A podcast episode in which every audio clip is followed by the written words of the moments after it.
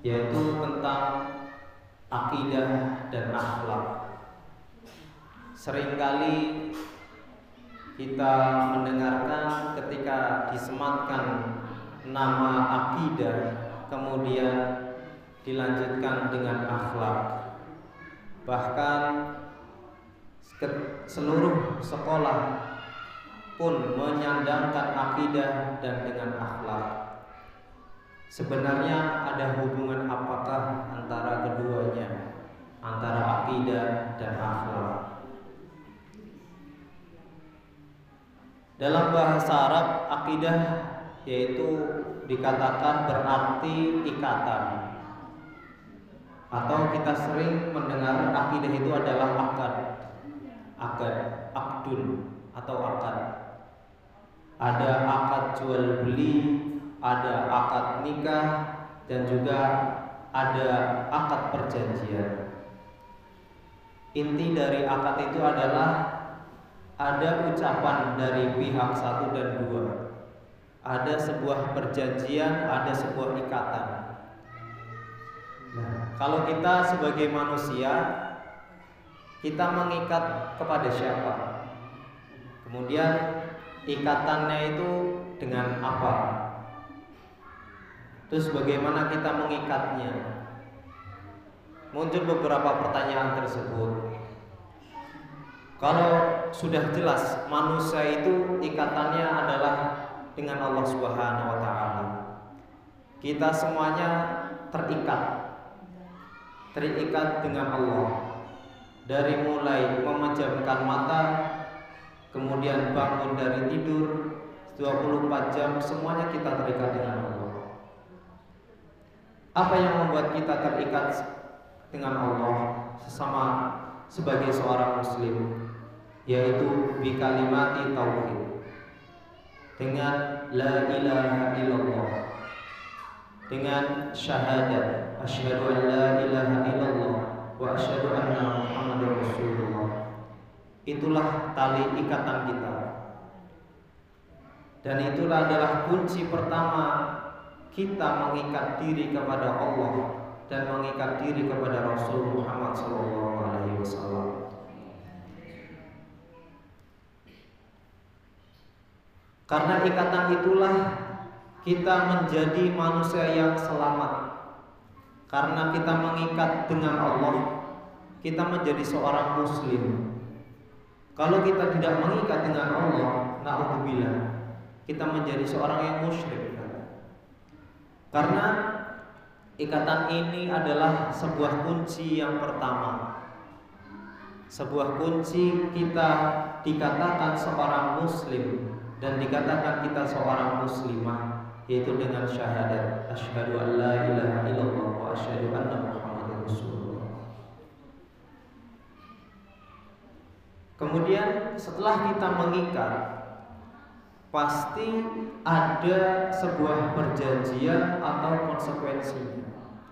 Ibarat seorang datang kepada temannya kemudian ingin meminjam uang sebesar 10 juta. Terjadilah akad pinjam.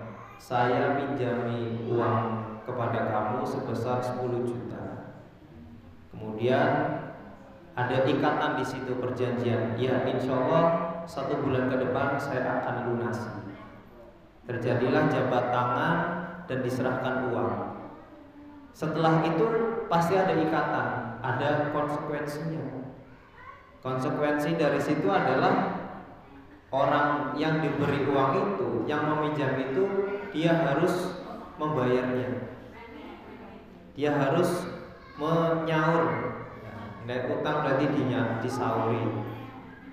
Kados niku. Ya. Kalau kita bersyahadat kepada Allah, mengikat diri kepada Allah dan Rasul, pasti akan diikuti dengan ikatan-ikatan selanjutnya akan diikuti dengan konsekuensi atau diikuti dengan perintah-perintah Allah selanjutnya. Karena diri kita sudah menjual diri kepada Allah, maka kita menyerahkan seluruh jiwa kita, harta kita kepada yang memiliki yaitu Allah. yaitu dengan melaksanakan perintah setelah syahadat. Itulah rentetan dari akidah seorang muslim. Setelah kita mengikat dengan syahadat, kemudian kita melaksanakan sholat. Setelah sholat kita melaksanakan zakat, kemudian puasa dan haji terbaik. Semoga kita dipanggil Allah sebelum Allah memanggil dengan wafatnya kita bertemu di Baitullah. Amin ya Allah. Dari ikatan yang pertama yaitu syahadat, kemudian berlanjut dengan sholat, kemudian dengan zakat, kemudian puasa dan haji. Itulah sebuah konsekuensi atau sebuah hutang kita kepada Allah ketika kita sudah menjual diri kita, ketika kita sudah mengikat diri kita, maka kita harus tunduk, harus patuh dengan pemilik pemilik segala alam semesta ini, yaitu Allah Subhanahu wa taala. Itu adalah akidah. Berarti akidah itu ikatan kita kepada Allah. Kemudian setelah kita mengikat berarti kita harus menjalankan atau kita mengikuti perintah selanjutnya yaitu dengan sholat, zakat, puasa dan haji seperti ini. Kemudian kita berlanjut ke akhlak. Akhlak akhlak dalam bahasa Arab niku dipendet dari kata kholako atau penciptaan akhlak. Dalam bahasa niku dikatakan akhlak niku berarti menciptakan, diciptakan. Kholako. Tetapi Imam Ghazali rahimahullah mengatakan bahwasanya akhlak adalah suatu perasaan jiwa, suatu perilaku yang tertanam paling dalam di dasar hatinya, atau tertanam dalam domirnya, dalam hatinya yaitu akhlak. Kemudian akhlak juga dilihat dari maknanya juga adalah sebuah gumpalan. Gumpalan darah. Apabila gumpalan itu baik maka seluruh badannya akan baik. Apabila gumpalan itu buruk maka seluruh badannya akan buruk. Faida soha fasoha kullu Fa'idha fasada fasada kullu. Wa huwa qalbun. Dan itu adalah hati.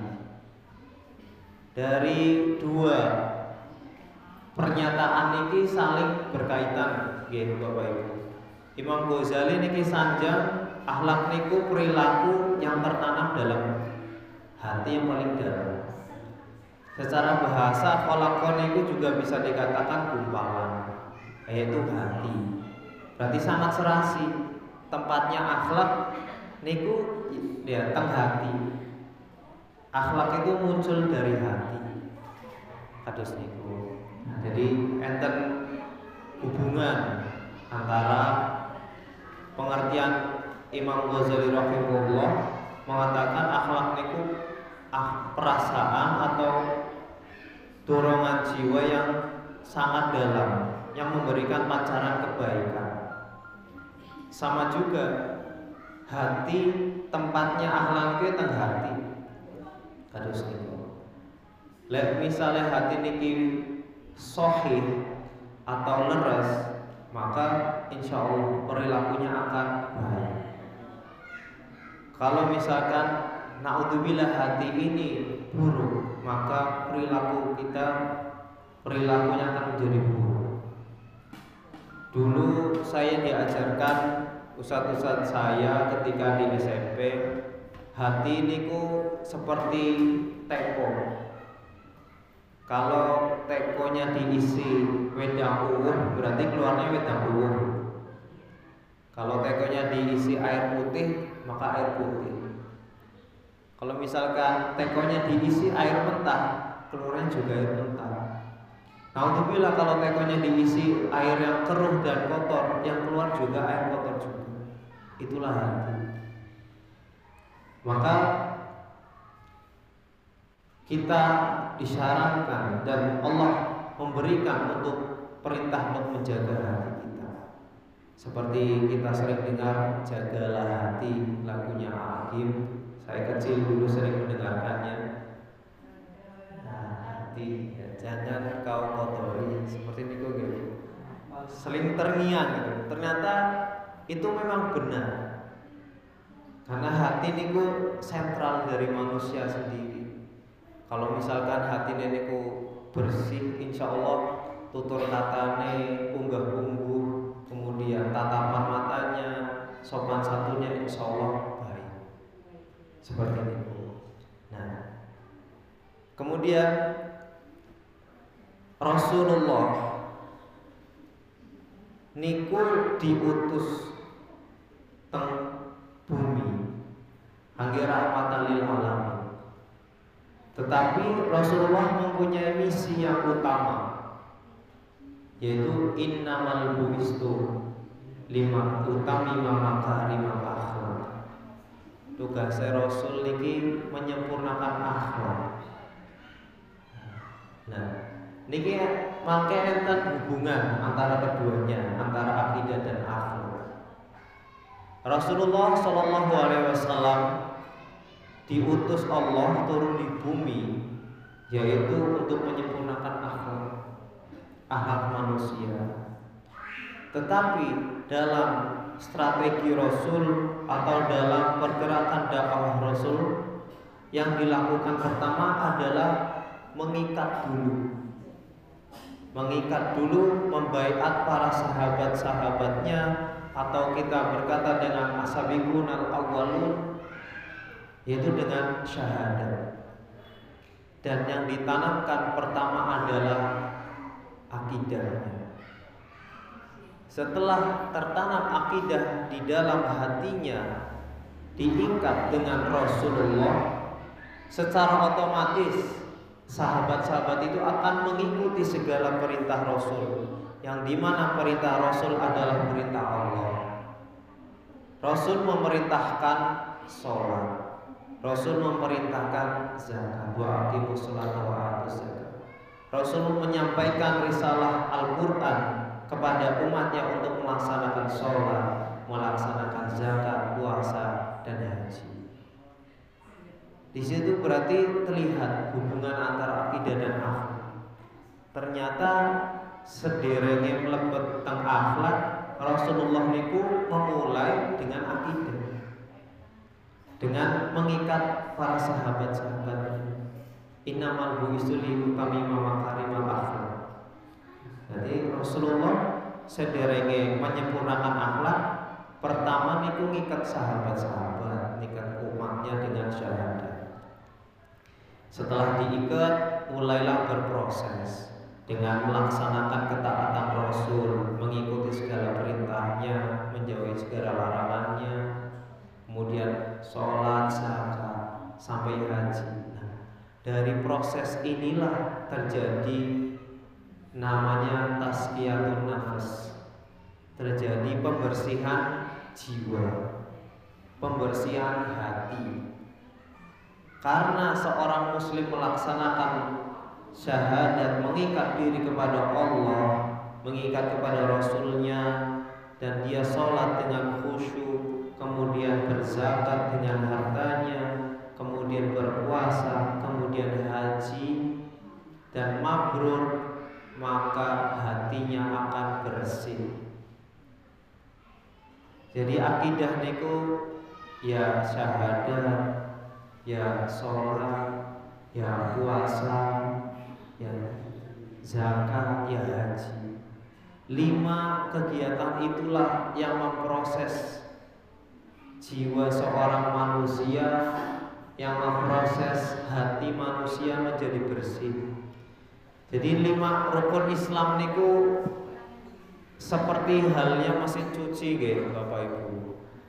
Membersihkan baju-baju kita yang kotor ditambah dengan deterjen kemudian dicuci luntur kotorannya kemudian dijemur kemudian disetrika maka baju itu disandang niku nikmat dipakai itu nikmat wangi seperti hati. Ya hati niku mesin cuci ini ya lima niku syahadat, sholat, zakat dan puasa. Maka kalau misalkan hatinya sudah bersih insya Allah akan terpancar akhlakul karimah. Akan utami makarimah ahad Rasul ini akan muncul. Nah itu adalah hubungan antara akidah dan akhlak. Ternyata akidah niku adalah awal mula ikatan manusia dengan Allah dengan kalimat syahadat. Kemudian setelah itu menjalankan proses rukun selanjutnya dan dari proses niku terjadilah kebersihan hati. Terjadilah seperti halnya baju cucian yang dimasukkan mesin cuci ditambah deterjen digiling-giling setengah jam diperes kemudian dijemur disetrika. Nah, akhirnya jadi baju yang enak dipakai wangi. Seperti halnya hati. Wong kita manusia ya Allah sering tidak luput dari khilaf. Selalu bersapaan dengan kesalahan, dengan dosa, dengan kemarahan, dengan kekeliruan. Maka Allah memberikan Rasul juga mengarahkan kewajiban untuk sholat. Nah sholat itu akan selalu membersihkan. Seperti halnya baju kita pakai dua hari, tiga hari udah kotor, baunya kurang enak, kemudian dicuci lagi dijemur dan bergantian. Hati kita juga sama, mungkin tadi kita salah mengucapkan istighfar, kemudian disambung dengan sholat lima waktu, dengan sholat sunnah, di situlah terjadi pembersihan-pembersihan hati. Di situlah terjadi namanya tasfiyatun nafas karena dimulai dengan akidah yang bersih dan dilanjutkan dengan kegiatan tazkiyatun nafas itu insya Allah hatinya akan bersih dan akan memancarkan akhlakul karimah. Karena hati itu ida soha fasoha kullu fa ida fasada fa fasada kullu wa kalau misalkan benar maka akan benar semuanya. Kalau misalkan salah akan salah semuanya. Nah itu tempatnya di hati.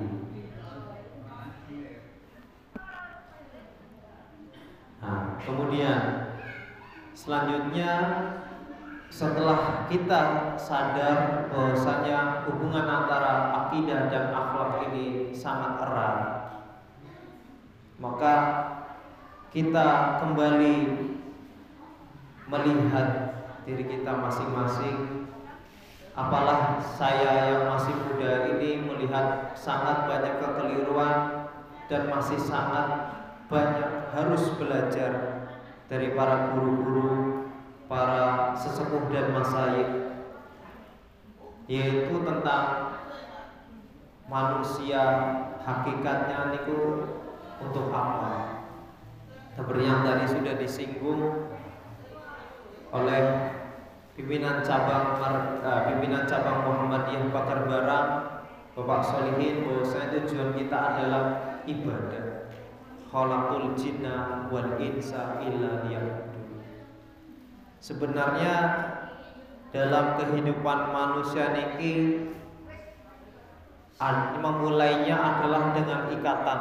Ikatan kita kepada Allah kemudian melaksanakan perintah selanjutnya dan menjadi akhlakul karimah. Kemudian kita melangkah kepada kita hidup bagaimana dan untuk apa. Sebenarnya konsepnya itu simple sangat gitu, simple banget. Inna lillahi wa inna ilaihi rojiun. Itu adalah sebuah ucapan yang sering kita ucapkan ketika berduka, tetapi sesungguhnya di dalamnya mengandung falsafah kehidupan yang sangat dalam, mengandung makna kehidupan yang sangat dalam. Inna sesungguhnya kita itu lillah punya Allah kemudian kita akan kembali kepadanya itulah ungkapan yang sangat singkat tetapi sangat mendalam mewakili segala kehidupan manusia kita dihidupkan Allah lillah dari Allah kemudian kita lahir untuk apa? Ulama mengatakan kita lahir niku untuk membayar hutang karena Allah telah memberikan fitrah yang bersih. Ketika di kandungan kita ditanya Allah, alastu bi rabbikum? Qulu bala syahidna. Di situlah Allah memberikan ridho, restu bahwasanya roh semua manusia mengakui bahwasanya Allah adalah satu-satunya rohnya. Kemudian roh itu ditiupkan masuk ke dalam rahim. Di situ masih suci. Masih suci. Kemudian lahirlah bayi. Setelah lahir tumbuh besar Sesungguhnya yang membuat dia menjadi majusi Yang menjadikan dia Nasrani adalah orang tuanya Sesungguhnya ketika datang dari Allah itu adalah Dalam suasana fitrah Dalam keadaan bersih Karena seluruh yang datang dari Allah pasti bersih. Kemudian tumbuh. Allah memerintahkan tidak sekali-kali. Berarti arti ini tidak sekali-kali. Sebenarnya manusia niku orang tak cipta enggak saya ciptakan. Saya ciptakan ini kangge nopo? Kangge ibadah. Liang dulu seperti ini mungkin. Ya kalau sendiri masih belajar sangat banyak ya, sangat banyak dari para guru-guru kami di sini sedikit menyampaikan bahwa saya tujuan hidup yang pertama adalah khalaqul jinna wal insa yaitu untuk beribadah kepada Allah. Di mana tatanan kehidupan ibadah dikala pandemi seperti ini perlu kita mengingat kembali kita tujuan hidup ini untuk apa. Dikala orang berduyun-duyun ke sana kemari, bingung dengan berita yang terus mencengkram, bingung dengan suasana ekonomi yang menghimpit, bingung dengan segalanya, maka kita sama-sama mengingat kembali oh, ternyata tujuan kita diturunkan di dunia ini adalah untuk ibadah kepada Allah. Salah satu ibadahnya kita berikhtiar menjaga diri kita dari penyakit dari bala, dari taun. Seperti itu. Setelah kita mengerti kembali lagi dalam proses kehidupan niki Allah niku akan memanggil Ya ayyatuhan nafsul mutmainnah irji'i ila rabbiki radiyatan mardiyah fadkhuli fi ibadi wadkhuli jannah itulah gol itulah ibarat pertandingan sepak bola golnya niku. Kita akan dipanggil Allah apakah dalam keadaan mutmainnah dalam jiwa yang puas dalam jiwa yang tentram atau dalam jiwa yang ghairu mutmainnah yang tidak tenang karena kemuliaan manusia itu adalah ketika lahir kita menangis tetapi orang-orang yang menyambut penuh dengan sukaria, tertawa dan tersenyum. Karena ketika orang melihat bayi lahir kan senang ya Bu. Ya. Kalau juga adik saya lima ya ketika melihat lahir senang, masya Allah punya adik dan sebagainya. Nah, tetapi manusia niku yang mulia adalah ketika dia berpulang dia tersenyum kepada Allah dengan jiwa yang mutmainnah tetapi orang kanan kirinya menyambut melepas dengan tangisan itulah manusia ketika kita lahir kita menangis tetapi yang lain tersenyum dan tertawa puas melihat kita lahir senang tetapi kita kembali kita senyum kepada Allah, tentram hatinya, tetapi orang kanan kiri menangisi kita karena kita sangat dibutuhkan dalam kehidupan. Di situlah tujuan dari hidup kita. Mungkin sekian dari kami. Mohon maaf apabila ada salah tutur kata ataupun malam ini yang ditunggu Ustadz Inamkoh tapi saya menggantikan mohon maaf. Semoga apa yang kami sampaikan bermanfaat dalam forum ini. Saya tidak menggurui bukan menjadi guru tetapi kita saling belajar di mata Allah sama. Inna khairu taqwa sesungguhnya bekal sesungguhnya Allah juga melihat sebaik-baiknya orang adalah dengan takwanya Semoga kita selalu meningkatkan takwa kita kepada Allah. Wala tamutunna illa wa antum muslimun. Setiap minggu kita mendengarkan ayat itu di khutbah Jumat. Semoga menjadi tadkirah kita, menjadi pengingat kita. Dan sedikit mengulas kembali pembahasan ini sebelum penutupan yaitu akhlak, akidah dan akhlak. Akidah itulah ikatan kita kepada Allah dan Rasul dengan syahadat. Kemudian dilanjutkan dengan sholat, zakat, puasa, haji. Terjadilah proses pembersihan hati. Karena hati yang bersih akan muncul akhlak yang karimah. Setelah kita menjadi menjalankan mengerti apa tujuan hidup kita bahwasanya kita hidup ini adalah untuk ibadah kita dilahirkan di dunia disambut dengan senyuman dan kita menangis dan kita insya Allah akan kembali dengan senyuman dan orang kanan kiri kita menangis. Kita kembali akan senyum dengan Allah dengan tertawa dengan hati yang puas tetapi kanan kiri masyarakat yang menyambut kita menggendong kita ke liang lahat yaitu dengan rasa duka. Syukran hada minni. Assalamualaikum warahmatullahi wabarakatuh. Waalaikumsalam. warahmatullahi wabarakatuh